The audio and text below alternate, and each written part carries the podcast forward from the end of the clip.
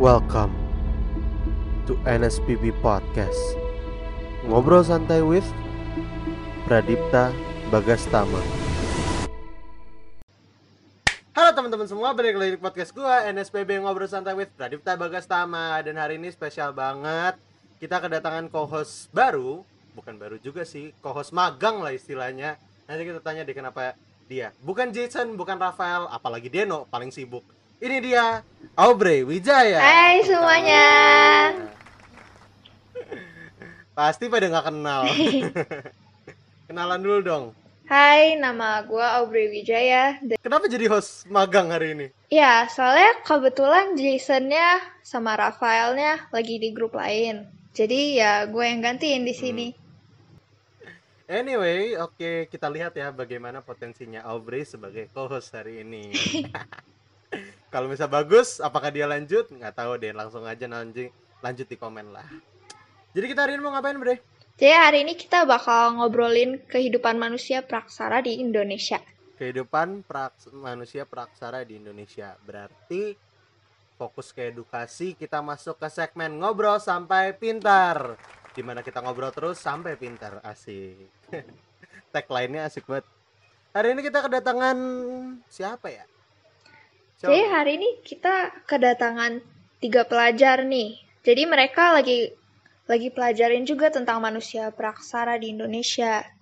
Oh, lagi pelajarin juga. Ya udah deh, langsung aja kita sambut. Ini dia Glory Samantha, Keisha Priscilla dan Georgius Avianto. Oke, halo. Halo. Halo semuanya. Aduh ramai hari ini. Tapi belum masuk sesi kolaborasi ini masih tiga guest. Apa kabar nih semuanya? Baik, Baiklah. Baik. Baik banget. Baik-baik lah ya. Sebelum kita mulai mungkin bisa lah perkenalan diri dulu nama terus umurnya berapa. Langsung aja deh dari Glory Keisha habis itu baru Oke. gitu. Halo Silakan. semuanya, nama saya Glory. Saya 15 tahun. Halo, nama gue Kisha Priscilla. Gue eh, 15 tahun. Terus Halo semua, nama gue Vito, gue umurnya 14 tahun. Oke deh. Ngapain sih kalian pada di sini mau ngajarin kita nih ceritanya nih? Gimana ya? hmm, Ya gitulah. ya sekedar informasi dikit-dikit aja. Boleh deh, boleh sharing-sharing ya. Hari ini kita ngomongin soal manusia praaksara di Indonesia. Tapi sebelum kita ke Indonesianya, kita fokus dulu ke manusia praaksara ini dulu deh. Coba dong, ada yang bisa jelasin? Boleh nih gue gas. Manusia praaksara itu apa sih? Gak pernah gue dengar Nah. manusia praaksara. Manusia praksara itu manusia yang belum mengenal tulisan. Nah, kenapa namanya manusia praksara? Nah, praksara itu kan berasal dari dua kata. Pra yang artinya sebelum dan aksara yang artinya tulisan. Nah, berarti manusianya belum mengenal tulisan gitu, guys. Oh, terus mereka komunikasi lewat apa? Gambar gitu? Ya bisa gitu kayak penemuan-penemuan apa? Coret-coret di dinding ada kan? Oh, oke Ah. oke oke. Oh, itu manusia manusia purba Iya. berarti ya? Bisa dibilang purba juga. Eh, emang kapan sih manusia praksara zaman praksaranya itu berlangsung? Nah, eh secara pasti masa praksara itu dimul mulai sejak manusia purba terdapat di muka bumi. Nah, pada zaman Neozoikum dan Kainozoikum yang terjadi kurang lebih 65 juta tahun yang lalu lah. Bumi itu udah mulai stabil sehingga kehidupannya semakin berkembang. Nah, di masa Neozoikum dibagi menjadi dua, ada zaman tersier dan zaman kuarter. Nah, pada zaman tersier ini binatang besar tuh udah mulai berkurang. Udah tergantikan oleh binatang-binatang menyusui. Contohnya itu kayak kera sama monyet. Nah, sementara itu pada zaman kuarter mulai muncul tanda-tanda adanya kehidupan manusia purba. Zaman kuarter sendiri ini terbagi dalam dua masa, yakni masa Pleistosen yang merupakan awal kehidupan manusia atau kita itu sering kenalnya dengan sebutan zaman es. Nah, sama masa Halosen yang merupakan awal kemunculan Homo sapiens yang dikeyakini sebagai nenek moyang dari masa modern. Kayak gitu. Hmm, jadi zaman-zamannya lumayan panjang ya. Berarti pada saat itu yang bisa dibilang manusia praksara itu yang kayak gimana sih ciri-cirinya dan jenis-jenisnya? Kalau untuk di Indonesia nih ya, jenis-jenisnya ya. Itu ada tiga tugas. Yang pertama ada Meganthropus paleojavanicus. Nah, Megant- Meganthropus ini merupakan manusia purba paling tua, di mana memiliki tubuh yang sangat besar dan kekar. Memiliki ciri- ciri-cirinya itu biasanya mempunyai rahang yang besar, tulang yang tebal, sama apa? Kening, kening itu apa? Jidat ya? Jidat yang menonjol. Mhm. Meganthropus paleojavanicus ini hidup eh, kira-kira 2 juta tahun sebelum Masehi. Nah, fosil dari Meganthropus ini ditemukan dan diteliti oleh Dr. von Koenigswald pada tahun 1936 dan 1941 yang ditemukan di kota Solo. Kota Solo. Kota Solo keren juga. Yang kedua itu jenisnya ada yang namanya Pithecanthropus erectus. Nah, dari namanya ini, manusia purba satu ini merupakan manusia kera yang sudah berjalan tegak. Tingginya sekitar 165 cm sampai 180 cm. Sama dengan manusia zaman now. Nah, fosilnya ini ditemukan oleh Eugene Du Bois di Trinil dekat Sungai Bengawan Solo. Mhm. Nah, yang terakhir tuh ada jenis manusia purba Homo. Manusia purba ini lebih sempurna dibandingkan dengan eh, Meganthropus dan Pithecanthropus. Nah, Homo ini dibagi ke dalam tiga jenis, yaitu ada Homo soloensis. Homo soloensis itu juga berasal dari Sologas. Fosilnya ditemukan oleh IR Open North Hmm, di oke, oke. Ngandong. Tinggi badannya sekitar 180 cm, memiliki tengkorak yang lebih besar daripada Pithecanthropus. Dan Homo ini juga. Homo soloensis ini juga dapat berjalan dengan tegak. Yang kedua ini ada Homo wajakensis yang ditemukan oleh Van Reichskoten pada tahun 1889 di Jawa Timur. Manusia purba ini memiliki tinggi badan sekitar 130 sampai 210 cm. Dengan tengkoraknya itu lebih bulat gitu lah. Dan mereka juga dapat berjalan tegak serta memiliki keahlian dibanding homo yang lain yaitu untuk membuat peralatan dari batu, kayu, dan tulang belulang. Nah, yang terakhir ada Homo sapiens. Homo sapiens merupakan manusia purba generasi terakhir dan ini memiliki ciri-ciri fisik yang menyerupai manusia modern masa sekarang. Paling kayak gitu sih guys, Hmm, ciri-cirisnya. Berarti kita kita termasuk Homo Ya, sapiens bisa lah ya. dibilang. Banyak banget jenisnya ya. Nih gue ada satu pertanyaan yang gue penasaran banget jawabannya ya. Emang zaman praksara itu dimulainya kapan sih? Jadi itu Di mana maksudnya? eh sorry sorry. Jadi itu em, gak ada yang tahu dengan pasti em, manusia purba tuh muncul di mana. Karena kan udah berapa ribu tahun yang lalu. Jadi nggak nggak ada yang tahu dengan pasti. Tapi menurut website kelas pinter, em, mereka tuh mulai dari Afrika Tengah, terus mereka bergerak ke Afrika Selatan. Setelah itu mereka menyebar luas lagi ke Arab, India, lalu Indonesia. Dari situ-situ mereka nyebar lagi nih ke Australia, Jepang, Cina, Alaska, hingga Amerika Utara. Jadi ya lumayan banyak gitu menyebarnya dari dan mulanya tuh katanya tuh dari Afrika Tengah. Oh. Ya, ini pertanyaan pribadi aja sih sebelum kita balik lagi ke topik ya. Tadi Vito sempat sebut kalau eh, manusia purba yang terakhir itu ada Homo sapiens yaitu kita kan yang bisa dibilang sama kayak manusia modern. Berarti sebenarnya perbedaan antara manusia purba ini atau manusia praksara dengan manusia biasa seperti kita tuh apa sih?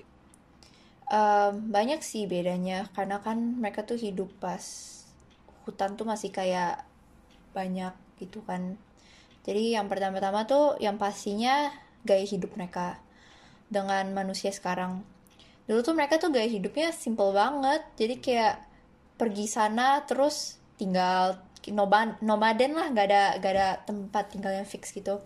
Terus mereka tuh menggunakan alam di sekitar mereka untuk untuk em, untuk bertahan hidup. Eh, pakaiannya dari daun-daun. Terus habis itu mereka juga berburu.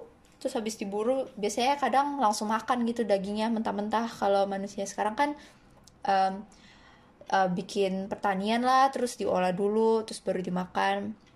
Habis itu katanya sih manusia purba tuh dulu tuh jalannya tuh pakai empat tubuh mereka gitu loh. Jadi tangannya sama kakinya Tempat jalan kayak kayak binatang gitu lah.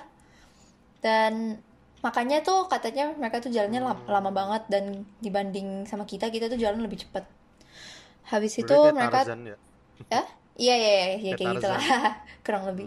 Terus mereka tuh uh, berbulu banget kan ya menyerupai monyet lah gitu lah. Terus berbulu banget. Dibandingin sama kita kan nggak berbulu banget. Maksudnya di muka kita kan bulunya gak banyak gitu.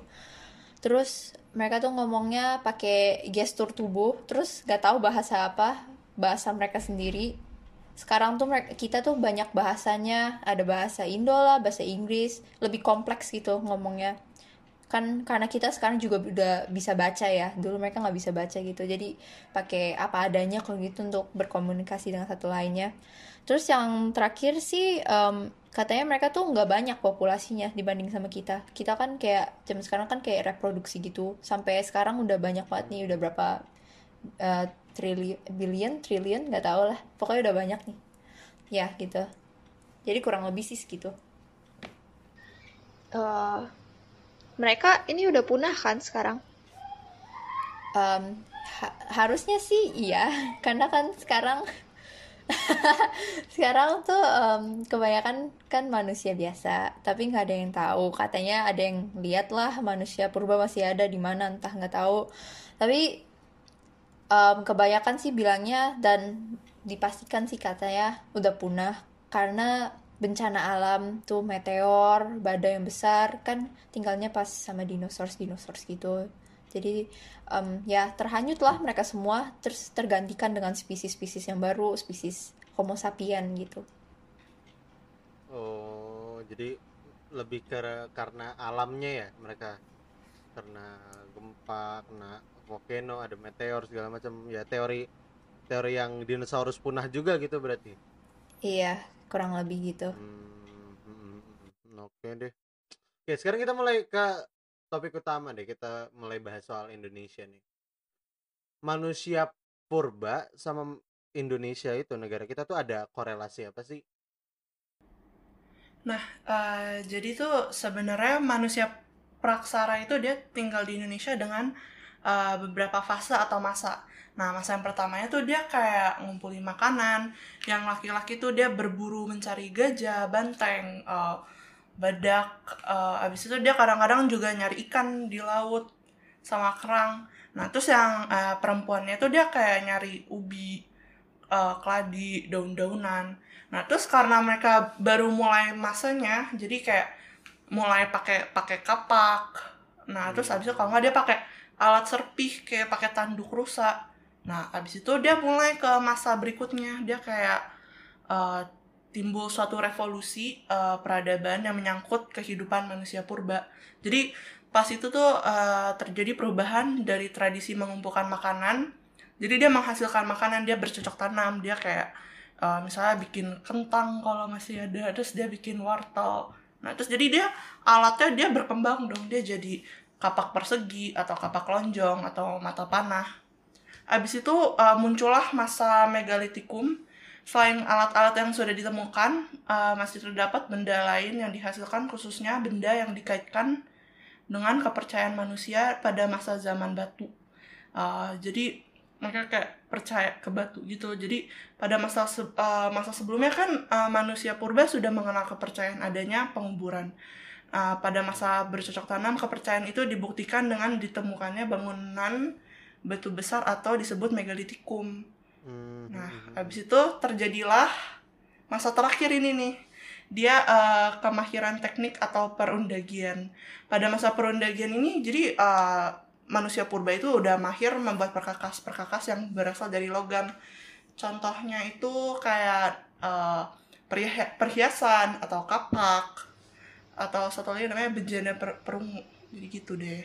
Hmm, jadi ada fase-fasenya lah ya mereka. Iya. eh apa? Apa sih namanya? Dari awalnya bunuh-bunuhan, bunuh-bunuhan. Dari awalnya dia eh, ikut turun mulai lama-lama punya alat masing-masing segala macam gitu ya. Ya, jadi kan pasti keberadaan manusia praksara di Indonesia itu diketahui karena ada peninggalan-peninggalannya gitu kan ya. Nah, peninggalannya itu apa aja sih di Indonesia? eh, sorry uh, sebenarnya tuh ada beberapa pengpin- peninggalan yang mereka itu salah satunya itu adalah alat-alatnya yang mereka pakai pada masa-masa atau fase itu jadi uh, yang paling uh, kayak paling dikenal itu kapak genggam. Jadi kapak genggam itu uh, disebut juga kapak perimbas gitu. Dia tuh dibentuk jadi semacam kapak dan biasanya tuh dia uh, pakainya tuh digenggam gitu. Jadi biasanya buat uh, apa sih kayak motong kayu atau uh, yang lain-lainnya. Terus ada um, mata panah juga. Jadi mata panah itu uh, dia tuh kayak berbuat berburu gitu. Biasanya berburunya buat uh, berburu ikan. Terus dia nyari terus dia kayak kalau panah kan kayak ditembak satu-satu gitu. Nah, dia kayak ntar kayak dia ngumpulin gitu. Nah terus uh, salah satu lagi juga uh, bisa di yang bisa ditemukan sekarang itu adalah uh, alat dari tanah. Alat dari tanah itu kayak di antaranya gerabah.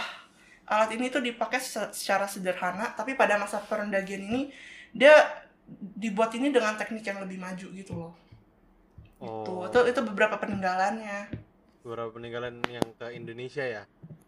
Dan iya kalau nggak salah sampai sekarang juga masih kepake kan kayak petani bercocok tanam ya masih pakai alat-alat batu kayu ya kan. yo Beberapa pada masih percaya kalau alat-alat itu tuh masih alat peninggalan nenek moyang tradisional lah ya. nggak mau pindah ke mesin-mesin. Terus kalau nggak salah juga ada beberapa norma-norma dari manusia purba yang masih dilakuin orang-orang zaman sekarang kan kayak misalkan bergotong royong ya kan ya nggak sih sama apa lagi Iya, sih? nah, apalagi ada lagi uh, selain gotong royong jadi kan kayak uh, ini dikutip dari Brainly oke Uh, Oke. jadi kita itu uh, kalau yang kan kata kata lo kan kayak bergotong royong jadi mereka tuh Hmm. dulu tuh mereka berpindah-pindah jadi mereka tuh harus sesama membantu sesama jadi itu uh, bisa uh, dikatakan sebagai nilai bergotong royong jadi kita kayak saling membantu nah selain itu tuh kita juga punya nilai musyawarah jadi katanya itu dalam kehidupan berkelompok masyarakat-masyarakat praksara itu telah mengembangkan nilai musyara musya musyawarah sorry banget ya. Hal ini eh, dapat ditunjukkan dengan dipilihnya pemimpin yang di, dianggap paling tua. Jadi kayak sesepuh gitu. Nah, yang mengatur masyarakat dan memberikan keputusan. Jadi untuk membagi persoalannya. Jadi dia kayak eh, kayak adil gitu. oh Gitu oke. deh. jadi, jadi, eh, banyak ya moral yang bisa diambil kayak tadi bergotong royong kita memiliki norma-norma di Indonesia ini ya kan yang eh, salah satunya bergotong royong dan musyawarah mufakat juga kan termasuk itu Mhm, termasuk di mhm. Pancasila kita juga sila keempat berarti Iya.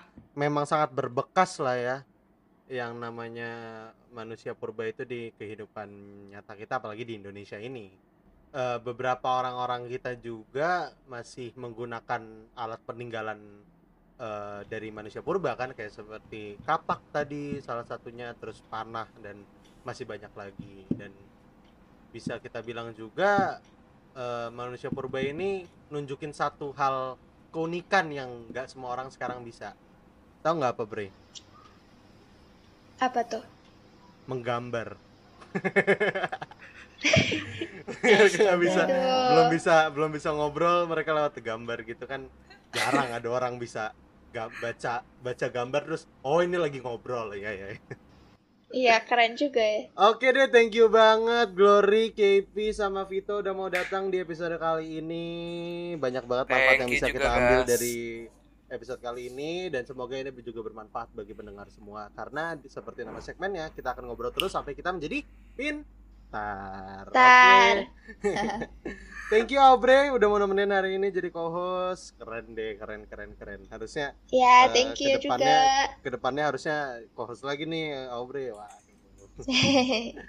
Oke, thank you semua udah mau dengerin. Jangan lupa untuk terus dengerin NSPB Podcast. Tiap Kamis dan Sa- atau Sabtu kita upload bisa didengerin langsung di Anchor atau Spotify. Jangan lupa untuk follow Instagram kita @nspb.podcast, kritik, saran, topik, guest star masukin aja ke situ DM, masukin comment section per minggu silahkan. Langsung aja DM ke gue juga bisa @bagasama305 dan eh, keseruan apa lagi yang mau kalian eh, saksikan, eh saksikan, dengarkan omongin aja kita diskusin bareng-bareng. Dan jangan lupa untuk di share ke kerabat kalian semua biar kita makin semangat lagi bikin podcastnya. Oke kayaknya cukup lah ya. Thank you semua udah mau datang thank you semua udah mau dengerin. Ayo kita closing. This is Bagas This is Aubrey. This is Glory. This is Keisha. This is Fito. And you're listening to NSP.